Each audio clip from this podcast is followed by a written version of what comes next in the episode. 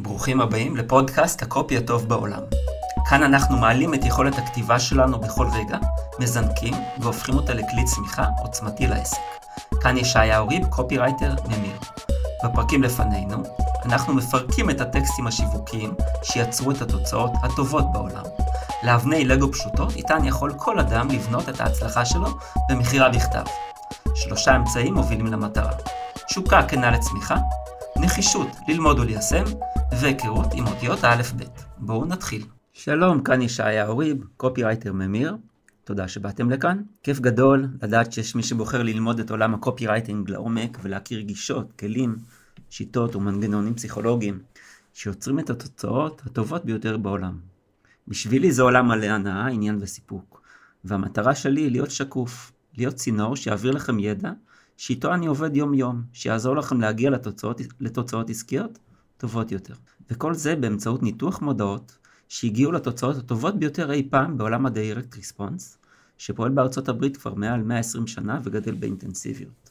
היום יש לי הפתעה גדולה בשבילכם, שתעזור לכם כפי שהיא עוזרת לי להפיק ערך גבוה מאוד מהמודעה שננתח היום, מהמפורסמות שנכתבו אי פעם, אחת שזכתה לאין ספור חיקויים בעולמות תוכן שונים, ומכרה כ-150 אלף קורסים בהתכתבות ללימוד אנגלית. 150 אלף זה המספר. כותרת המודעה Do you make these mistakes in English? האם אתה עושה את הטעויות האלה באנגלית? כתב אותה מקסול זקהיים, תכף נשמע עליו. מכיוון שכמות הידע והעושר במודעה כזו, שהיא יחסית קצרה, בת כאלף מילים, הוא, גדול וגדול מאוד, נתמקד בשלושה נושאים שאותם ניקח איתנו הביתה. הנושא הראשון הוא הקמת אויב משותף. הרבה פעמים נראה שימוש בטכניקה כזו. אי אפשר להגיד שקשה להשתמש בה, כי קל למצוא אויב משותף, וחשוב שלא להפוך אותה למוגזמת כדי לראות נואשים. הנושא השני הוא קיום מנגנון. קופי טוב קיים בשני מקומות בו זמנית. הראשון הוא מילים על דף או מילים בסרטון או בלייב באינטרנט, בטלוויזיה, ברדיו. השני הוא מקום הרבה יותר חשוב, הוא בראש של הצופה, הקורא, המאזין. שם הוא מעורר שורה של רגשות ותגובות רגשיות. אבל בין הקופי שכתבת לבין התגובה של מי שמקבל אותו, יש מרווח של רגשות שלא כיוונת אליהן ישירות. יש שם ציפיות, יש שם דרישות, שאלות. מה הדרישות ממך? קודם כל, לספק עוד מידע, דימויים, תשוקה. דבר שני, אתה הקופירייטר, נדרש לספק הוכחות. אחרי שהקורא יודע שהוא רוצה את זה, הוא רוצה שתוכיח לו, שתאפשר לו לרכוש. תעזור לו לחצות את הסף הזה. ודבר שלישי, הוא רוצה מנגנון. הוא רוצה מנגנון. הוא רוצה את התוצאה הסופית, אבל שתסביר לו איך הוא ישיג אותה. תסביר לו שהוא יבין את זה בהיגיון שלו, ברגש שלו, איך הוא ישיג אותה. זה מה שהוא רוצה. איך אתה יודע כשהמנגנון לא עובד מספיק טוב, שצריך לנסות? פשוט כי זה לא עובד כמו שרצית.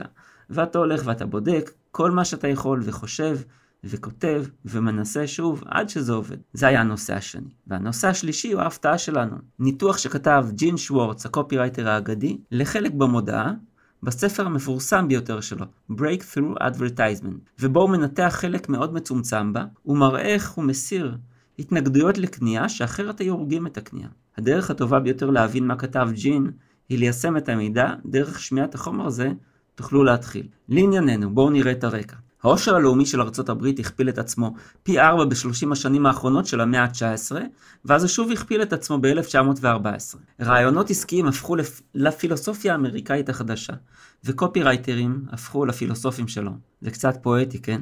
40 שנה לפני כן פרסום היה מקושר ישירות עם עסקים רחבי היקף של שמן נחשים, טיפולי כליות וכבד, ריפוי שיגרון וכיוצא בזה. את אלה עצר המחוקק האמריקאי ובאופן פרקטי עיתונים, עיתונים וכתבי עת שהפסיקו לפרסם אותם והוציאו כתבות תחקיר על רמאויות, עצרו למעשה את סוג התעשיות האלה.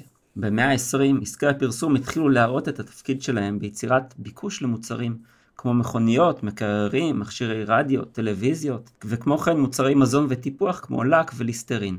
ב-1930 הנשיא האמריקאי קוליג' הצהיר שלפרסום יש תפקיד חשוב בחינוך הציבור לצריכה. בתוך ענף הפרסום עצמו נוצרו כמה תחומי דעה. חלק הסכימו עם הנשיא וראו עצמם כמקצוענים, שהמשימה שלהם היא לחנך את הציבור לחברה מתקדמת יותר. עבורם, פרסום היה מקצוע כמו רפואה, משפטים, הוראה, והתקשר לספרות. קופירייטרים אחרים לעומת זאת ראו את הפרסום במונחים של מכירות יותר מאשר כספרות. הקבוצה הזו ראתה את התפקיד שלה כמשיגת תוצאות, והיסטוריון הפרסום רולנד מרצ'נד מתייחס לקופירייטינג הזה שעוסק בתוצאות מקצוענים אמיתיים, יותר מאשר אנשי מקצוע. איש העסקים שרווין קודי לקח את הרעיון שלו לקורס אנגלית בהתכתבות לסוכנות פרסום של כמה מהקופירייטרים מכווני התוצאות, שהתמחתה בפרסום בדואר.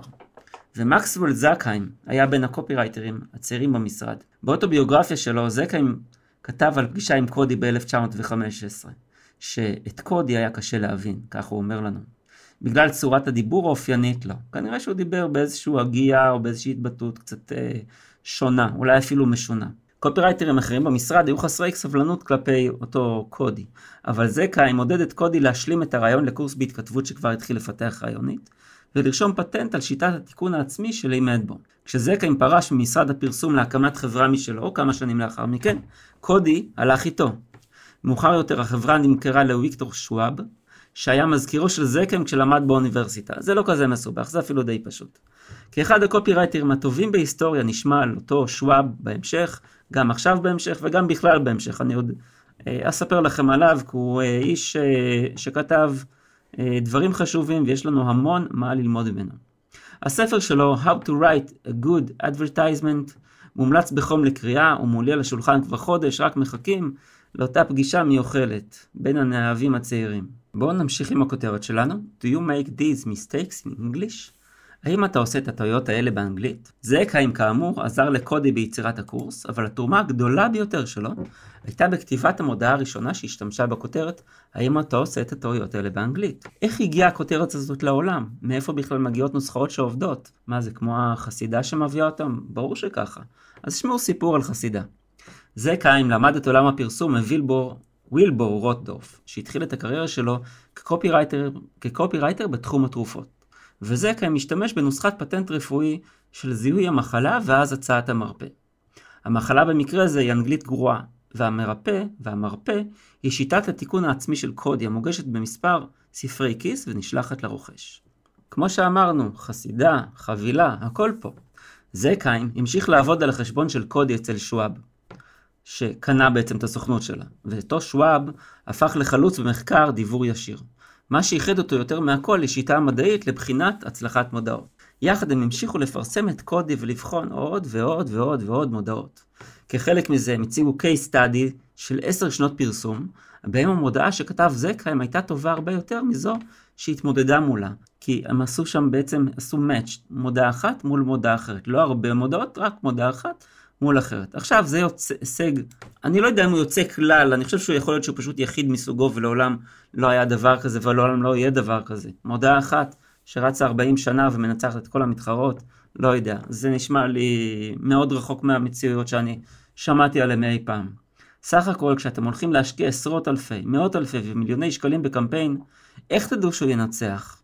קמפיין שיעשה הרבה ניסויים מגדיל במידה מאוד רבה את הסיכוי שלו לנצח, כי הרי תוצאה כמו שקרתה פה זה, לא יודע, ההסתברות לקבל דבר כזה היא נורא קרובה לאפס. הרי קמפיין זו לא מודעה אחת ולא שלוש, זה למכור את המוצר שלך מזוויות שונות, בתקופות שונות, שכל פעם אחת אחרת עובדת לתקופה, ואז אחת אחרת מנצחת אותה.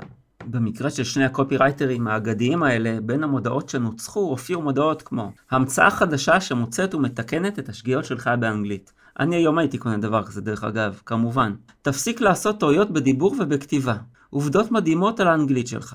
תפסיק לאנוס את השפה האנגלית. אבל היא המשיכה לנצח ולנצח כל כותרת שהתייצבה מולה. שנבין מה אלה המודעות האלה שמתחרות. אלה לא מדעות של המתחרים העסקיים. זה לא של אף גוף עסקי אחר, אלא של מתחרים הרבה יותר קשים, המתחרים הכי קשים. מה עושים? אומרים לך, אתה הקופירייטר של המודעה, מעולה, עשית מודעה, היא עובדת, היא רצה.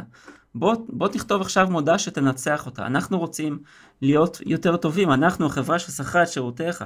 עכשיו, לא רק זה, אנחנו מביאים עכשיו עוד קופירייטר, עוד קבוצה של קופירייטרים. כולם מתחרים, כל אחד מקבל כסף על העבודה שלו, אבל מי שמנצח מקבל גם את העמלות השמנות שהם אחוזים מהמכירות. ובגלל זה נלחמים, ובשביל זה כל השפה שמשתמשים בה בענף הזה היא שפה מאוד מלחמתית של לנצח ולהביס ולהילחם. התחרות פה היא חסרת פשרות לחלוטין. בואו נמשיך לכותרת המשנה. כותרת המשנה אומרת לנו ככה: Sharing Cody's remarkable invention has enabled more than 100,000 people to, to correct their mistakes in English. Only 15 minutes a day required required to improve your speech and writing. ההמצאה הראויה לציון של שרווין קודי אפשרה ליותר מ-100 אלף איש לתקן את הטעויות שלהם באנגלית. רק 15, 15 דקות ביום נדרשות כדי לשפר את הנאום והכתיבה. נפרש, במודעה הזו מצוין המספר 100 אלף. כנראה שיחסית ישנה, כי סך הכל כמו שאמרנו היו שם כזה 150 אה, אלף מכירות. עכשיו אנחנו רואים כאן מספר דקות ביום, 15. למה דווקא 15? החשיבה במקרים כאלה היא איך לקבוע את הנקודה האחרונה בין מה שריאלי שאדם יחשוב שהוא ישקיע, לבין מה שנראה יותר מדי או פחות מדי מכדי לאפשר את התרגול. ובואו נתחיל לקרוא את המודעה עצמה. הטור השמאלי. אנשים רבים משתמשים בביטויים כמו לשים נעליים ולעשות מסיבה, ועדיין אחרים אומרים בינך לביני במקום בינך לביני. מדהים איך לעיתים קרובות משתמשים במי במקום של מי. וכמה לעיתים קרובות אנחנו שומעים כזה ביטוי הפוך מזהיר כמו שפורפרת ומכנס. מעטים יודעים האם לאיית מילים מסוימות עם C או M או R1 או 2 או עם IE או EI ומתי להשתמש בפסיקים כדי לגרום שהמשמעות שלהם תהיה ברורה לגמרי. רוב האנשים משתמשים רק במילים שכיחות, חסרות צבע, שטוחות, רגילות. הדיבור שלהם והמילים חסרי חיים, מונוטונים, משעממים. אני אפרש את זה. מתחילת המאה ה-20 השפה בארצות הברית השתנתה לשפה דיבורית. השפה של אנשי העסקים, המנהלים, אנשי המקצוע. בגלל שלימודים בקולג' ובאוניברסיטה היו רחוקים מלהיות נפוצים. הרבה אנשים פנו לקבל השכלה בהתכתבות, צורת הלמידה מרחוק באותה תקופה, כדי ללמוד את אמנות הדיבור והכתיבה. באזור 1920-1930. אלפי אמריקאים שלחו קופונים מעיתונים ומגזינים כדי להזמין את קורס האנגלית של שרווין קודי, קורס עם פטנט רשום של הזמנה בדואר. בטקסט עצמו, אחרי שמציגים מספר דוגמאות שהרבה אנשים עושים, והקורא כמובן ביניהם, כמו להגיד שפורפרת ומכנס. אחר כך, כשאדם יבדוק מה הטעות, הוא יגלה שאומרים שפופרת ומכנסיים, אם רוצים לדבר בשפה שנתפסת כתקינה. מי צריך לדבר בשפה שנתפסת כתקינה? מי שצריך לקבל משרה יותר טובה, יותר גבוהה, מכניסה יותר. אז התשוקה, מעלים אותה כאשר מדברים על מצב שבו אין תשוקה. ואם עכשיו אומרים לך שאתה מדבר בשפה שטוחה, רגילה, זה קצת סימן שאתה אדם שטוח ורגיל. אבל המודעה פונה לקהל של אנשים שרוצים להצליח. ואתה לא מצליח כשאתה שטוח ורגיל. מכאן ההבטחה, ומכאן הכניסה לעומק הרגשי. בעצם המודעה נותנת לך להפעיל בתוכך את המנגנונים, היא לא נותנת לך את זה כבר לעוס. וכשאתה לועס, אתה מפיק תוצאה פסיכולוגית הרבה יותר עמוקה. עכשיו, נמשיך עם המודעה. למה רוב האנשים עושים טעויות? מהי הסיבה שכל כך הרבה מאיתנו משתמשים באנגלית ענייה ומוצאים שהקריירות שלנו נבלמות כתוצאה מכך? למה זה שכמה לא יכולים לאיית נכון ואחרים לא יכולים לפסק? למה רבים כל כך מוצאים את עצמם במחסור של מילים הנדרשות לבטא את הכוונות שלהם בצורה נאותה? הסיבה למחסור ברורה. שרווין קודי גילה אותו במחקרים מדעיים שנתן לאנשים לעשות אלפי פעמים. רוב האנשים לא כותבים או מדברים אנגלית טובה, פשוט כי מעולם לא יצרו תבנית הרגל של עשייה כזו. מה הפרשנות? צורת ההצגה הזו של הנתונים מאוד חכמה, מאוד פשוטה ומאוד מאוד אפקטיבית. היא צריכה לרגש את הקורא ברמה כמו שהוא רואה סרט אקשן, וכל דקה קורה משהו חדש. מכונית מתהפכת במרדף. הרעים תופסים את הגיבור, ומתחילים אולי אפילו לענות אותו עם כזה זצים חשמליים. הסוד שמאחורי הסוד הגדול מתגלה. כל משפט צריך להיות חזק כמו כותרת, ממגנט תשומת לב, פחות מזה לא ישאיר את הקורא איתנו. פעם זה היה ככה, והיום זה ככה, רק יותר, יותר ויותר. תמיד כשחושבים על טקסטים ופסקאות, החשיבה הנכונה היא לא טקסט ולא פסקה, אלא על כותרות. כותרת שרודפת כותרת שרודפת כותרת. איך כותבים עוד כותרת ועוד כותרת ומערימים עוד תועלת זו על זו על זו על זו, ודבר כזה מוצאים רק ואך ורק כשעושים מחקר עמוק. בפסקה הזו לכאורה דברים שמוצגים הם לא תועלות אלא כאבים. מה חסר לנו? אבל הניסוח מטעה. הוא לא רק מטעה, הוא מטעה באופן מכוון והוא מטעה באופן הפוך לחלוטין, ב-180 מעלות. כשאומרים לנו רוב האנשים לא כותבים או מדברים אנגלית טובה פשוט כי הם מעולם לא יצרו תבנית הרגל של עשייה כזו, אנחנו כבר מקשיבים לצעד הבא. איך ניצור תבנית הרגל כזו ונכתוב ונדבר אנגלית טובה? ההתחלה של זה היא לפני כתיבת הטקסט, בתכנון האסטרטגי של המוצר. כבר שם בונים את התועלות שלו שאותן נשווק. זו הדרך הטובה והקצרה כמובן. בואו נמשיך בקריאה. עכשיו יש לנו כותרת קטנה כזאת, מה קודי עשה בגרי? שהוא גרי, מי זה גרי, מה זה גרי? יציקת התבנית של כל הרגל מגיעה רק מתרגול מתמיד. שייקספיר, אתה יכול להיות בטוח, מעולם לא למד חוקים. אף אחד שכותב ומדבר נכון, לא חושב עם חוקים כשהוא עושה את זה. ואני אפרש. הוא מטמיע בקורא, הקופירייטר מטמיע בקורא, את הרעיון של תרגול מתמיד, כדי למכור לו את האמת מאחורי הרעיון. בסוף, דבר שמבדיל הצלחות עסקיות מרמאויות עסקיות, שעובדות לתקופה, היא ההצלחה של הלקוחות. כשיוצרים תיאום ציפיות מוקפד עם הלקוח ומדברים על תרגול מתמיד, דואגים מראש לאופן השימוש שיפיק הצלחה, גם כשתמיד היא מושגת על ידי חלק קטן מהרוכשים. פרטו, גם פה פרטו ביקר. בואו נמשיך עם הטקסט. הנה שפת האם שלנו, שפה שהקימה את הציוויליזציה שלנו, ושבלעדיה כולנו עוד היינו פראים ממלמלים. ועדיין בתי הספר שלנו, על ידי שיטות שגויות, גרמו לזה להפוך ללימוד שיש להימנע ממנו. המשימה המפרכת מכולן, במקום המשחק המקסים מכולם. משך שנים זו הייתה חרפה מביכה. אפרש. אמרנו שהדבר הראשון שניקח הביתה מכאן הוא השימוש באויב משותף. מה אומר לנו שרווין קודי? הוא אומר לנו, האויב של האויב שלי הוא חבר שלי. ובכך מקים אויב משותף, בתי הספר בהם למדנו. הוא חבר שלי, ואני חבר שלו. עכשיו, אנחנו יודעים שזה לא בגללנו, ולכן זו לא אשמתנו. ומסקנה, אנחנו מסוגלים ליותר מאשר מה שהצלחנו לעשות בבית הספר, שלמעשה הטעה אותנו. התסכול של אי ההצלחה שלנו עד עכשיו משתחרר. נמשיך ונקרא. בנקודה זו מונח ההבדל האמיתי בין שרווין קודי ובתי הספר. הנה דוגמה. לפני כמה שנים מר קודי הוזמן על ידי הסופר של שיטת החינוך המפורסמת גרי, ללמד אנגלית את כל התלמידים בחטיבה העליונה בבית הספר גרי, אינדיאנה. עכשיו קורה משהו, שונה. אנחנו מסתכלים על החלק שמופיע לנו משמאל הטור שאנחנו קוראים, ורואים מסגרת ובתוכה ציטוטים. תזכרו את נוסחת השכנוע, שבה ההוכחות הן חלק מרכזי. יותר מזה, זה החלק שמשפיע יותר מכולם. לכן תמיד ובכל מקרה תשתמשו בהוכחות. ישנם סוגים שונים של הוכחות. המלצות הן סוג של הוכחה שיחסית קל להשיג. כשאתם בסוף הפרק שואלים את עצמכם מה לקחתי מכאן לשימוש מיידי, תזכרו, להשתמש, להשתמש בהוכחות, ובייחוד בהמלצות ועדויות משתמשים. מה כתוב במסגרת, בתוך המסגרת שאנחנו רואים שם למטה משמאל? קרש קפיצה להתקדמות, זו כותרת, קרש קפיצה להתקדמות. מרכאות, פתיחת מרכאות. הקורס היה בשבילי קרש קפיצה להתקדמות. מיד אחרי שנרשמתי קודמתי למשרת מנהל מזכירות. אחרי זה הקורס היה בעל ערך אדיר בעזרה שנתן לי לעבוד בחינות הלשכה. 67% נכשלו. עזר לי גם במעבר מספר בחינות שירות לאזרח, אלברט יוד וכתובת. את המרכאות כבר סגרנו קודם. זה מה שאומרת ההמלצה הראשונה. היא אומרת לנו קרש קפיצה להתקדמות. היא אומרת, הקורס היה בשבילי קרש קפיצה להתקדמות, מיד אחרי שנרשמתי וכו' וכו' וכו'. מה היא אומרת לנו? היא מדברת מגרונו של מי? של הלקוח האידיאלי.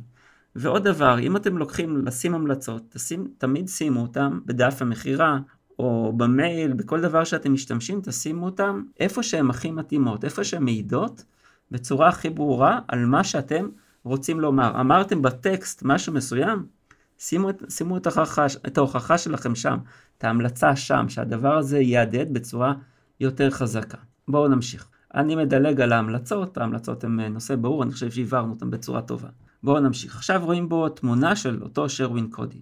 אה, גבר באמצע החיים, אדם שכבר הפך לדמות מוכרת, אה, כמה פרטים ככה עליו, הוא לא הפך לחלק מהממסד, הוא הפך לאיש עסקים מצליח ומשפיע, אבל מחוץ לממסד, שכמו שאומרים היה חלק מהזרם, שהעביר את אמריקה מהתפיסה של לסמוך על עצמך, לתפיסה של שיפור עצמי, דבר שהוא מאוד מאוד מאוד חזק ומשמעותי. נמשיך את הפסקה שההמלצה נכנסה לנו בתוכה וקטעה אותנו. בנקודה זו מונח ההבדל האמיתי בין שרווין קודי ובתי הספר. הנה דוגמה, לפני כמה שנים, מר קודי הוזמן על ידי הסופר של שיטת החינוך המפורסמת גארי, ללמד אנגלית את כל התלמידים בחטיבה העליונה בבית הספר גריק אינדיאנה. על ידי אמצעי תרגול של פרקטיקה מיוחדת, מר קודי הבטיח יותר שיפור בתלמידים האלה תוך חמישה שבועות, מאשר קודם נעשה על ידי תלמידים קודמים משם במשך שנתיים, על ידי שיטות ישנות. לא נעשו שום ניחושים ביחס לתוצאות האלה. הם הוכחו על ידי השוואות מדעיות. מדהים ככל שהשיפורים האלה היו, עדיין מעניינת יותר הייתה העובדה שהילדים היו פראיים ביחס ללימוד. זה היה כמו לשחק משחק. העקרון הבסיסי של השיטה החדשה של מר קודי הוא יציקת הרגל. כל אחד יכול ללמוד לכתוב ולדבר נכון על ידי שימוש המשכי ומתמיד בתבניות הנכונות. אבל איך מישהו יכול לדעת בכל מקרה מה נכון? מר קודי פותר את הבעיה הזו בדרך רגישה, מיוחדת ופשוטה. נסביר. בפסקה הזו אנחנו רואים שוב את הנושא הראשון שרצינו שתיקחו מכאן הביתה, והוא הקמת אויב משותף. ושוב אנחנו מגיעים לבתי הספר. אותם כבר הקים הקופירייטר כאויב משותף. ועכשיו אנחנו רואים איך הגיבור שלנו אכן מתעלה, והוא טוב מאותו אויב משותף. אני מתייחס למושג אויב משותף באופן רחב, כגורם שלישי, מלבד הקורא שמולו עומד המוכר. ההתנגדויות שיש לקונה, שחלקן שייך להתנסויות, להתנסויות קודמות שלו, מוסטות לכיוונו של אותו גורם שלישי שנתפס כאשם. בואו נעבור לפסקה הבאה. מכשיר תיקון עצמי ב-100%. זו הכותרת, הכותרת הביניים שיש לנו. נמשיך, והפסקה עצמה. נניח שהוא בעצמו היה עומד תמיד לידך. כל פעם שהיית מבטא לא נכון, או מאיית לא נכון מילה. כל פעם שהיית מחלל שימוש דקדוקי נכון. כל פעם שהיית משתמש במילה הלא נכונה כדי לבטא מה שהתכוונת אליו. נניח שהיית יכול לשמוע אותו אומר, זה שגוי, זה צריך להיות כך וכך. בזמן קצר היית משתמש בתור הרגל בצורה הנכונה והמילים הנכונות בדיבור וכתיבה. אם היית ממשיך לעשות את אותה טעות שוב ושוב, כל פעם הוא היה אומר לך בסבלנות מה היה נכון. הוא היה נשאר מנטור נצחי לידך. מנטור שלא רק יצחק עליך, אלא גם להפך, יתמוך ויעזור לך. מכשיר המאה אחוז תיקון עצמי עושה בדיוק את הדבר הזה. זהו הקול השקט של מר קודי מאחוריך. מוכן לדבר בכל רגע שתעשה טעות. הוא מוצא את הטעויות שלך ומתרכז בהן. אתה לא צריך ללמוד שום דבר שאתה כבר יודע. אין חוקים לשנן בעל פה. אני אסביר. הנושא השני שרצינו, שתיקחו הביתה, הוא קיום מנגנון. פתאום הוא אומר לנו, יש לך מכונת לימוד צמודה. הוא אפילו לא אומר לך שזה קיים. הוא רומז לך שזה קיים. ראית? הוא לא, הוא לא אומר שזה קיים, אני אמצא את זה רגע. נניח שהוא בעצמו היה עומד תמיד לידך. הוא לא אומר אני אעמוד לידך, הוא לא אומר זה יקרה, הוא אומר רק נניח. אבל הדמיון שלך כבר מקדם את זה לשם. זה כל כך יפה, הנקודה הזאת כל כך יפה. להפעיל את הדמיון של מי שעובד, זה מגשר על המון פערי הסברים, אי אפשר להסביר דבר כזה. רק צריך לאפשר ללקוח לעשות את הקפיצה הקוונטית הזו, לקחת ולהפעיל את עצמו בעזרת הגירויים שאנחנו מספקים. אז הוא אומר לך, פתאום יש לך מכונת לימוד צמודה. הוא רומז לך ומפעיל את הדמיון שלך. איזה כלי יותר טוב מזה? כמובן זו שאלה רטורית. יש לך מנטור צמוד, שכל הזמן תומך בך ולא עולה לך כסף. והכי טוב, אתה לא צריך להתאמץ, זה עובד מאליו. עכשיו הגענו לנושא השלישי, שאשמח שתיקחו היום הביתה ותשתמשו בו. כדי להסביר אותו בצורה הטובה ביותר, זימנתי לאולפן את האיש והאגדה, ג'ין שוורץ בכבודו ובעצמו. רבותיי, כפיים, כפיים, כפיים. איזה איש, איזה אגדה. הוא נפטר לפני לא מעט שנים. ג'ין יסביר לנו חלק גאוני במודעה, עליו כתוב בספר שלו Breakthrough Advertising, פרסום, פרסום פורץ דרך, שמתקנא גם בכינוי הספר הנגנב מיותר, ביותר מספריות באמריקה, כמו שהוא הסביר פעם. הספר בנוי בעיקר משבע טכניקות ללימוד קופי. הטכניקה הרביעית של פריצת קופי נקראת הגדרה מחדש, והיא מסירה התנגדויות בדרך מסוימת. הטקסט בתרגום חופשי שלי מהספר. ההסבר הזה מראה שלושה שימושים בעיקרון הזה. אחת של המודעה הזו, ולפניה של שתי מודעות שקדמו לה. זה הולך ככה. ופה נכנס ג'ין לעניינים, ותסבירו, אה, תקשיבו ל, ל, למילים המדויקות שלו. איך להסיר התנגדויות למוצר שלך. שוב ושוב, אתה הולך להצטרך למכור מוצר שיש בו פגמים מובנים. רק זה בלבד, עם ההבטחות והפונקציות שלו, יש לו היבטים מסוימים שלמעשה דוחים את הפרוספקט. הפרוספקט זה אותו איש שעומד לקנות, כן? שמועמד לקנייה. אף מוצר אינו מושלם כמובן, ולא רק בשל הסיבה שתמורתו יש לקבל כסף. הפרוספקט שלך מתחיל עם התנגדות בסיסית מינימלית נגד, נגד קניית המוצר שלך, אבל ההתנגדות הזו מועצמת על ידי חסרונות בכמה מוצרים. לעתים קרובות עד לנקודה שבה, אלא אם נקטת בפעולה מוגדרת במודעה שלך כדי להגדיר אותה מחדש, הפגמים האלה למעשה יהרגו את המכירה שלך. בואו נביט עכשיו בשלושת סוגי ההגדרה מחדש שמעלימים אותם. ראשית כמובן, יש את המוצר שהוא, או שנשמע, מורכב מדי, קשה מדי לשימוש. שנית, יש את המוצר שאינו מספיק חשוב, שלהצעה הבסיסית שלו אין שוק מספיק רחב באופן סטטיסטי. ושלישית, יש את המוצר שפשוט עולה יותר מדי. המחיר שלו כל כך מעל המחיר של מוצרים אחרים ברמה שלו, שאנשים פשוט מתרחקים כשמזכירים אותו. מדהים איך כל כך הרבה מוצרים נופלים לתוך אחת או כל שלושת הקטגוריות האלה. למרבה המזל, אותו מנגנון, הגדרה מחדש, עוזר לך להסתדר עם כל השלוש. הגדרה מחדש היא התהליך של לתת הגדרה מחדש למוצר שלך. היא אומרת שמוצר הוא יותר דבר זה מדבר אחר. המטרה שלו היא להסיר מחסום דרכים שעוצר את המכירה שלך, אם אפשר, לפני שהקונה אפילו יודע שהוא קיים. אולי המקרה הקלאסי של הגדרה מחדש הוא זה של, סב... של סבון לייפבוב. לייפבוב זה גלגל הצלה. בשנות ה-30, לייפבוב היה סבון טוב שעשה עבודת ניקיון טובה. אבל היה לו חיסרון אחד גדול, ריח רפואי מזעזע. בגלל שהיה בלתי אפשרי להעלים את הריח בלי לבטל את כוח הניקוי שלו, הבעיה הפכה לבעיה של הגדרה מחדש. נגיד את זה בפשטות, איך נשנה את הריח הזה מהיותו עול, עול להפיכתו לנכס? התשובה כמובן הייתה קמפיין OB המפורסם. תשומת הלב של הפרוספקט היה ממוקדת על הריח של הגוף שלו עצמו. ריח שנאמר לו שירחיק אנשים, ואכן עושה את זה. ואז נאמר לו שהריח צריך לעקר מהשורש. לא עם סבון רגיל, שלא היה מספיק חזק לבצע את המשימה, אלא עם סבון עם עוצמת הרס ריח, שיכול לגרום לדייג מצחין להתקבל לנשף חברתי. לייפבואו היה הסבון אדיר העוצמה הזה, וההוכחה הניצחת שניתן היה להריח עם פתיחת נייר העטיפה, היה ריח רפואי חזק שהוטמע בכל חתיכה. זה סוג ההגדרה מחדש הפשוט ביותר, ולעיתים קרובות האפקטיבי ביותר. תרגיל ג'ודו פשוט. היפוך מושלם, להפוך עול לנכס עם רעיון אחד. בכל מקום בו אתה יכול להשתמש בשיטת ההיפוך הזאת, עשה כך. אבל רוב הבעיות של הגדרה מחדש יותר מורכבות, ודורשות אמצעים מורכבים יותר כדי לעסוק בהם. תוך שימוש בהרבה מהעצות שכבר בחנו בתהליך ההדרגתיות. בואו נעבור עכשיו למכשירים האלה, ונראה איך הם יכולים להציג דימוי אחר לגמרי של המוצר לפרוספקט מאשר דמיינת, אם לא היית חושב עליהם לעומק לפני כן. 1. הפשטה. הקטגוריה הראשונה שלנו היא המוצר המורכב מדי, המוצר שנשמע קשה מדי. כדי לראות איך להחליף את הדימוי הזה עם דימוי מועדף עליו, בואו נסתכל שוב במודעת ספר תיקון הטלוויזיה שדנו בפרק האחרון. כפי שאתה זוכר, המודעה המקורית עבור המוצר הזה, המוצר הזה נכשלה, כי הבטיחה, תקן את הטלוויזיה שלך בעצמך, בכותרת שלה. זה נחשב קשה מדי על ידי הבעלים הרגיל של המכשיר, אפילו למרות שהמודעה אמרה, זה קל, זה פשוט, זה מהיר, בפסקה הבאה. לכן, מכיוון שהמודעה אימתה את הפרוספקט עם העובדה שהוא יצטרך לעשות תיקונים, לפני שהיא הפכה את התיקונים האלה לקלים ופשוטים ומהירים, הוא פשוט הפך את הדף, וקיבע את המודעה.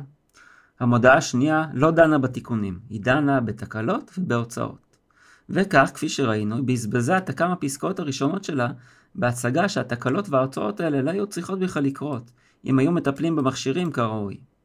עד הנקודה הזאת, המודעה דיברה על העולם של הפרוספקט, והשוותה אותו עם עולם הרבה יותר מבטיח, שבו ישנו טיפול מומחה המייצר צפיות בטלוויזיה ללא תקלות. עכשיו, שני העולמות צריכים להיות מחוברים דרך המוצר. החיבור הזה נקרא על ידי אנשי המכירות ההיפוך. זהו שינוי עם עידון רב.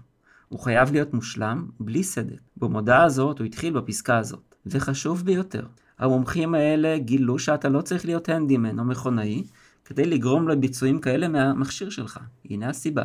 כבר ראינו איך החזרה, בסוגריים, המומחים האלה גילו, וההקבלה בין הפסקאות קושרים את ההצהרה הזו לתוך זרם של אמונה שנבנה והוקם לפני כן. עכשיו מכל מקום, אנחנו הולכים להסתכל באותה הפסקה מנקודת מבט אחרת. לראות איך היא מספקת את הצעד הראשון בהעלמת כל פחד מלעשות את התיקונים בעצמך. שים לב כמובן שהפחד של הבעלים הממוצע שאינו מתקן טלוויזיות מבוטא כאן באופן מיוחד, אבל עכשיו ממוסגר כהבטחה. שים לב גם לכך שבנקודה הזאת אין שום אזכור למילה תיקון. זו עדיין נקודה מוקדמת מדי. למרות שהבעלים הממוצע עשוי לרצות לקבל את הרעיון שיכול לשדל את המכשיר לביצועים טובים יותר, עדיין בנקודה הזאת יהיה מוגזם לבקש ממנו להאמין שהוא יכול לעשות תיקונים במכשיר הזה. זה מוביל אותנו לצעד הסופי. המודעה צריכה עכשיו להגדיר מחדש את מה שהקורא חושב כשהוא שומע את המילה תיקונים. היא חייבת עכשיו להניח בסיס חדש לרגליו, שמראה שכמעט כל התיקונים שהבעלים יצטרך לעשות הם למעשה רק התאמות חיצוניות קטנות. הוא עכשיו ממשיך לעשות את זה, בשלושת הפסקאות העוקבות שכבר למדנו בפרק האחרון, ושעכשיו נביט בהן שוב, כדי לראות את התהליך השני של הגדרה מחדש של שכנוע, שגם מתרחש בהן. הנה הפסקאות שוב, חמש דקות בשבוע לקליטה מושלמת. מומחי הטלוויזיה האלה גילו שמכשיר הטלוויזיה שלך הוא במידה ניכרת כמו הגוף שלך, במובן שהוא נותן לך סימני אזהרה לפני שיש לו קלקול משמעותי. למשל, אחרי שהמכשיר שלך הותקן, סביר להניח שהוא פועל באופן מושלם בשבוע הראשון. אבל אז הוא התחיל לסבול מהרעידות, הצרימות, ההפרעה של מכשירים אלקטרוניים אחרים בבית שלך. התמונה עשויה הייתה להתחיל לנוע או להבהב. קווים היו עשויים להתחיל להופיע על המסך שלך. עכשיו, וזה חשוב, אם היה לך את הידע לעשות כמה התאמות מהירות בפקדים החיצוניים של המכשיר שלך, היית יכול לתקן את הסימפטומים האלה. היית יכול לדאוג שהמכשיר יפעל באופן מושלם, והיית יכול למנוע תקלה משמעותית בדיוק באותה הדרך שמנעו אותן במבחני היצרנים. אם אין לך את הידע הזה, אם אתה לא עושה את ההתאמות האלה, אז המכשיר שלך ייחלש. התמונה שתקבל תהיה גרועה כל הזמן, ותצטרך לקרוא לאיש תיקונים. עכשיו, מה שקורה בארבע הפסקאות האלה, היא למעשה הגדרה מחדש במחשבה של הקורא של המונח תיקונים. זה נעשה בשלוש משיכות מכחול נפרדות, אבל מתואמות. אחד, על ידי השוואה מיידית של מכשיר הטלוויזיה לגוף האנושי. ולכן אי התאמות קטנות במכשיר מושוות לסימני אזהרה הניתנים על ידי הגוף לפני שהוא הופך לממש חולה.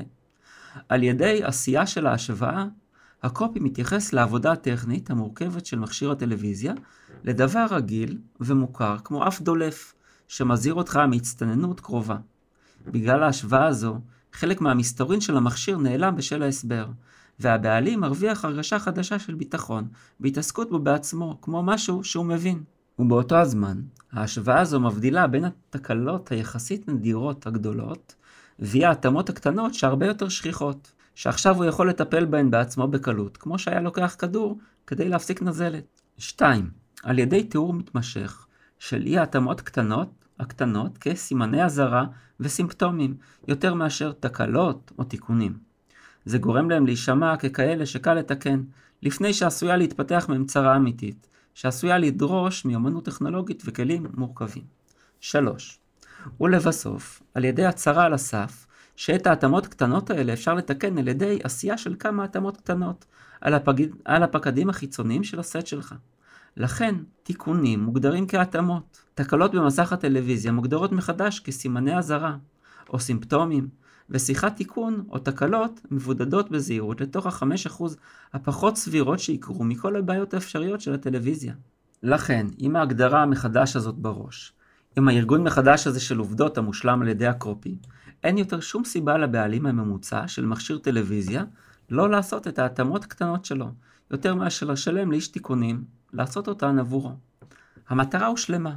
המודעה יכולה עכשיו להמשיך להצהיר באופן ספציפי כמה כסף הבעלים יחסוך על ידי עשיית ההתאמות האלה, והיכן הוא יכול לקנות את הספר שאומר לו כיצד. בדיוק באותה צורה, בכל זמן שיש תהליך שבו יש קושי, בכל זמן שיש מוצר שקשה להשתמש בו או קשה ליישם, המשימה הראשונה של הקופירייטר היא לפשט את היישום הזה במחשבה על הפרוספקט. זה נכון במיוחד לגבי המצאות חדשות שלמעשה מפשטות תהליכים שקודם היו קשים מדי לפרוספקט הממוצע. פריצת דרך חדשה לא מתקבלת בפשטות כי יצרן אומר שכך יהיה. הטענה שלה לקלות ופשטות חייבת להיות מוכחת במודעה, או שהקורא בפשטות ימשוך בכתפיו ויגיד, זה רק עוד קופירייטר שהתחרפן. מצב כזה הוא אחת מהחוויות היותר מתסכלות שיכולות להיות לך. הנה עוד מוצר שאתה יודע שהוא הרבה יותר קל לשימוש, בכל דבר שאי פעם הוצג בשדה הזה לפני כן, כי השתמשת בו. אבל לא משנה כמה חזק תצרח במודעות שלך, קל. נראה שאנשים פשוט מתעלמים ממך. מה אתה עושה? התשובה כפולה. 1. מגדיר מחדש, כפי שהפרק הזה הראה לך. 2. מייצר מנגנון של, הפ... של הפשטות הזו, כפי שתראה בפרק הבא. זכור, המצאה בלי קבלה היא חסרת ערך. ככל שיותר אנשים יודעים שמשהו קשה, וככל שהמוצר שלך יותר מהפכני ולכן שונה, כך תפגוש יותר התנגדות מהם בקבלתו. אתה צריך לכן להניח בסיס לקבלה, על ידי הגדרה מחדש עבורם של כל השדה, לפני שאתה מביא את המוצר שלך. בוא נסתכל על דוגמה אחת נוספת של מודעה פורצת דרך כזו, ונראה את הפתרונות שהקופי מציע שהפכו את המוצר להצלחה. אחת המודעות הגדולות בכל הזמנים כמובן, היא מודעת שרווין קודי. למרות שרוב אנשי הפרסום מכירים את המודעה הזו, הם לא מבינים שהמסלול עצמו היה קפיצת דרך אדירה לאותו הזמן. הרבה יותר קל ופשוט מאשר כל דבר אחר שהלך לפניו. אבל הלקוח לכזה קורס היה לגמרי משוכנע שאנגלית טובה הייתה קשה מדי בשבילו. הוא, נוסע, הוא ניסה ללמוד אותה לפני כן, ונכשל. לכן, כל קורס חדש שיכול היה להימכר להם בהצלחה, היה נדרש להגדיר מחדש את האנגלית בשבילם, להגדיר טעויות באנגלית בשבילם, ובוודאי להגדיר מחדש את התהליך של ההיפוך, אנגלית גרועה לאנגלית טובה בשבילם. המודעה של קודי היא יצירת אומן של הדרגתיות. כל קופירייטר צריך לזכור אותה בעל פה, לא רק ללמוד אותה. מכל מקום בתוכה, בארבע פסקאות, היא מכילה עוד יצירת אמן של פריצת דרך בהגדרה מחדש, מקשה לקל בכמה רעיונות פשוטים. זה הולך ככה, רק 15 דקות ביום. וגם אין הרבה מה ללמוד. בשנות הניסיון של מר קודי, הוא הביא לאור כמה עובדות מדהימות ביחס לאנגלית.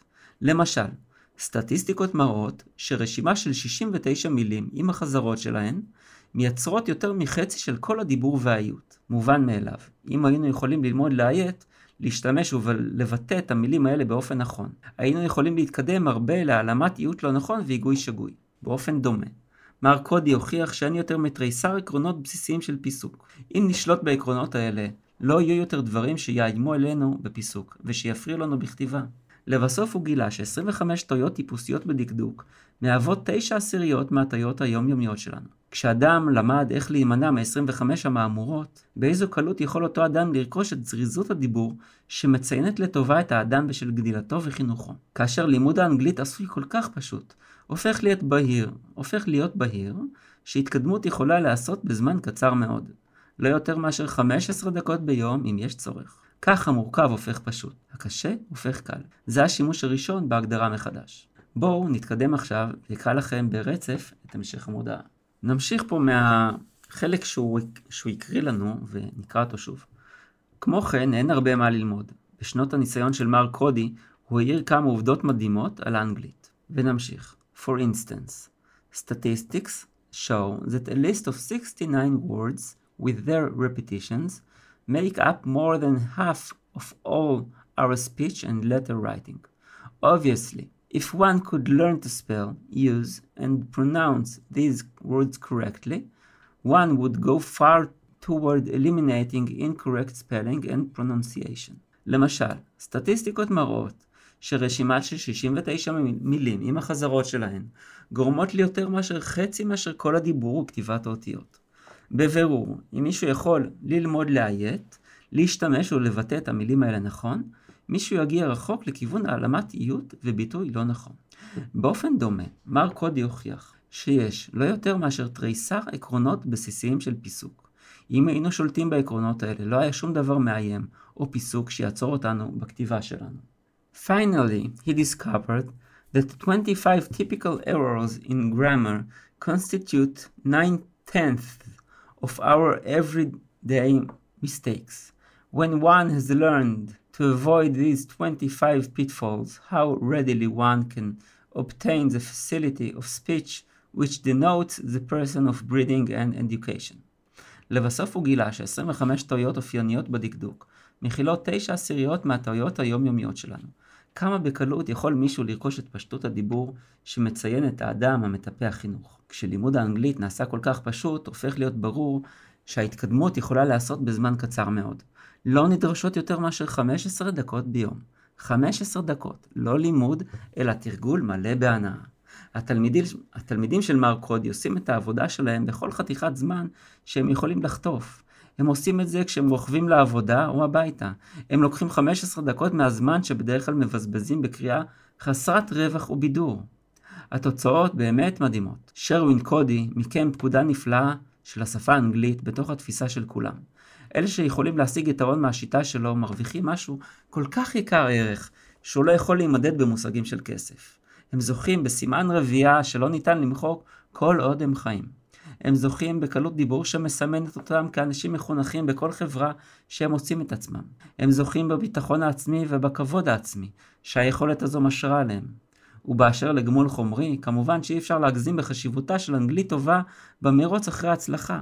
כמובן, אף אחד לא יכול להתקדם רחוק בלעדיה. כותרת משנה, חינם ספר על אנגלית. טקסט רגיל, בתקציר, בתקציר הקצר הזה, בלתי אפשרי לתת יותר מהצעה של טווח הנושאים המכוסים על ידי השיטה החדשה של מר קודי ושל מה שמכילים תרגילי התרגול שלו. אבל אלה שמעוניינים יכולים למצוא תיאור מפורט בספר קטן ומרתק שנקרא איך אתה יכול לשלוט באנגלית טובה ב-15 דקות ביום. הוא יוצא לאור על ידי בית הספר לאנגלית של שרווין גודי ברוצ'סטר, הוא יכול להירכש על ידי כל אחד בחינם לפי בקשה. אין צורך בשום מחויבות כשכותבים כדי לקבל אותו. הספר הוא יותר מפרוספקט. בוודאות, הוא מספר את אחד הסיפורים המעניינים ביותר על השכלה באנגלית שנכתבו אי פעם. אם אתה מעוניין ללמוד יותר בפרטים על מה ששרווין קודי יכול לעשות עבורך, שלח עבור הספר איך אתה יכול לשלוט באנגלית טובה ב-15 דקות ביום, פשוט שלח את הקופון, מכתב או גלויה עבורו עכשיו. אף סוכן לא יתקשר אליך. בית הספר לאנגלית שרווין קודי, ופה יש את הכתובת. ופה יש מסגרת, בית הספר לאנגלית שרווין קודי, עם מקומות למילוי, וזה הטופס ששולחים. עכשיו אנחנו סיימנו, בואו נעשה סיכום קצר. כדי שתזכרו ותוכלו לקחת הביתה את המקסימום. למדנו מודעה שהיא מהטובות שנכתבו ופורסמו בהיסטוריה. כל כך טובה שהיא רצה במשך 40 שנה ומכרה כ-150 אלף קורסים, רובם יותר בתחילת הדרך, בעשור הראשון. ראינו שנעשו המון ניסיונות במשך שנים רבות על מנת לשפר את המודעה, ואומר שרק שבגלל שהוא ויקטור שוואב, שהיה חולה על אה, ניסיונות וסטטיסטיקות, עבד עם זקאים על המודעה, וקידם כל כך חזק את נושא ההשוואה, הוא פרסם case study של עשר שנות פרסום, שתי גרסאות של המודעה, רק שתי גרסאות, לא, אה, לא יותר מזה. בקייס סטאדי הזה פורסמו נתונים מספריים, הוא אומר כמה כסף הושקע, כמה פניות היו וכמה מכירות היו, זה מאוד חריג בתעשייה הזו. רק לחשוב במונחים של עשור שלם של ניסויים, אחד מתוך ארבעה עשורים בהם המודעה רצה. כמה סבלנות יש לאנשים כשהסוס המנצח שלהם עושה כסף, והם יודעים שהם ישלמו, יכניסו עוד כסף בצד אחד, ויצא יותר בצד השני. והם את זה, ואת זה הם כל הזמן משפרים. הכל זה שאלה של אורך נשימה ורצון להמשיך, ולנסות דרך זה ליצור תוצאות. כפי שהבטחתי לכם בהתחלה, מיקדנו את תשומת הלב בשלושה נושאים שמעכשיו תוכלו להשתמש בהם, אם לא השתמשתם בהם כבר. ואם כן, עוד יותר טוב. הנושא הראשון הוא הקמת אויב משותף. השני הוא קיום מנגנון, והנושא השלישי הוא ההפתעה שלנו. ניתוח שכתב ג'ין שוורץ הקופירייטר הענק, בו הוא מלמד אותנו כיצד להסיר התנגדויות באמצעות שימוש בטכניקת ההגדרה מחדש דרך שלוש דוגמאות. הסבון, הטלוויזיה והקורס ללימוד אנגלית. אני רוצה להודות לשרווין קודי שהיה לו חזון והרעיון שהוא לקח עד הסוף במשך הרבה הרבה שנים והמון המון מאמץ. למקסוול זקיים על הגאונות, הנחישות וההשקעה שהביאה לנו מודעה כזו. לוויקטור שוואב שהיית איתו שנים ארוכות ולעוד הרבה אנשים שגרמו לכך שזה יקרה ואין לי מושג מי הם. כולם אה, או רובם מאוד מאוד גדול כבר לא איתנו בחיים. כולם כנראה. בזכותם יש לנו את היהלום הנדיר הזה לשימושנו. כדי לתת לכם זווית ראייה אסטרטגית, פרסתי בפניכם היום את הרקע לצמיחת הפרסום הישיר בארצות הברית, וקומץ נבחר של סיבות שגרמו לכתיבת המודעה הזו כפי שהיא. ועבור הטקטיקה עברנו חלק, במידה ואתם מתכוונים להשתמש בכתיבה שיווקית להפיכה של העסק שלכם למוביל, ונושאים כמו אלה עליהם דיברתי כאן רלוונטיים עבורכם, אני מזמין אתכם לפנות אליי בהודעה פרטית. אשמח שתדרגו את הפרק באפליקציה, בה אתם מאזינים, בניקוד שמתאים לפרק שנתן לכם ידע חדש שעשוי לעזור לכם בעסק. כמובן, אם קיבלתם ידע שכזה. אתם uh, מוזמנים לכתוב לי שאלות למייל. אני רוצה להודות לכם שהקשבתם והאזנתם והשתדלתם לזכור וזה יהיה נפלא שתיקחו ותיישמו את הדברים האלה אצלכם בעסק. מוזמנים לכתוב לי שאלות למייל, להתראות בפרק הבא. ישי ההורים, קופירייטר, ממיר. ועכשיו סוף סוף מתחילים. ציינו לעצמכם דבר אחד לפחות שלקחתם כדי לכתוב, להרוויח ולהביא לעצמכם תוצאות. אם אהבתם את הפרק, דרגו אותו בספוטיפיי, Google Podcasts, Apple Podcasts, אנקור, סטיצ'ר, יוטיוב ובכל פלטפורמה אחרת שבה אתם מאזינים לי. תוכלו למצוא את כל הפרקים באתר שלנו yeshmarketing.co.il yeshmarketing.co.il שם גם תוכלו להירשם לרשימת התפוצה ונשלח לכם תזכורת בכל פעם שפרק חדש עולה לאוויר. אני מזמין אתכם לכתוב לי מה אהבתם, מה לא אהבתם, מה תרצו לשמוע או כל דבר רלוונטי אחר. אתם מוזמנים לשלוח לי ישירות למייל yesh.strudel.co.il או בפייסבוק, חפשו לפי ישעיה ריב בעברית או באנגלית. אם נהניתם, תחשבו על חבר או חברה, קולגה או קולגות, ואפילו קבוצה בה אתם חברים, שעשויים לרצות לדעת יותר איך למכור בכתב, ושילחו להם את הפרק. אם אתם רוצים לקבל 24 מיילים למכירה ו follow-up, כנסו לדף הבית באתר שלנו, yeshmarketing.co.il, רשמו את עצמכם ותקבלו גם עדכונים על פרקים נוספים שיוצאים. ומילה אחרונה לבעלי עסקים ונושאי משרות הניהול שביניכם. אם אתם רוצים שהעסק ייהנה מלידים חמים יותר, מדפי מכירה ממירים יותר, מתשתית תוכן שיווקי שתגרום לו ליהנות משיווק טוב יותר, אני מזמין אתכם לשיחת היכרות אבחון ללא עלות. לתיאום השיחה היכנסו לאתר yeshmarketing.co.il ללשון ליצור קשר ושילחו לי מסר. אני ישעיהו ריב, קופירייטר ממיר, שמח שהאזנתם, נשתמע בפרק הבא.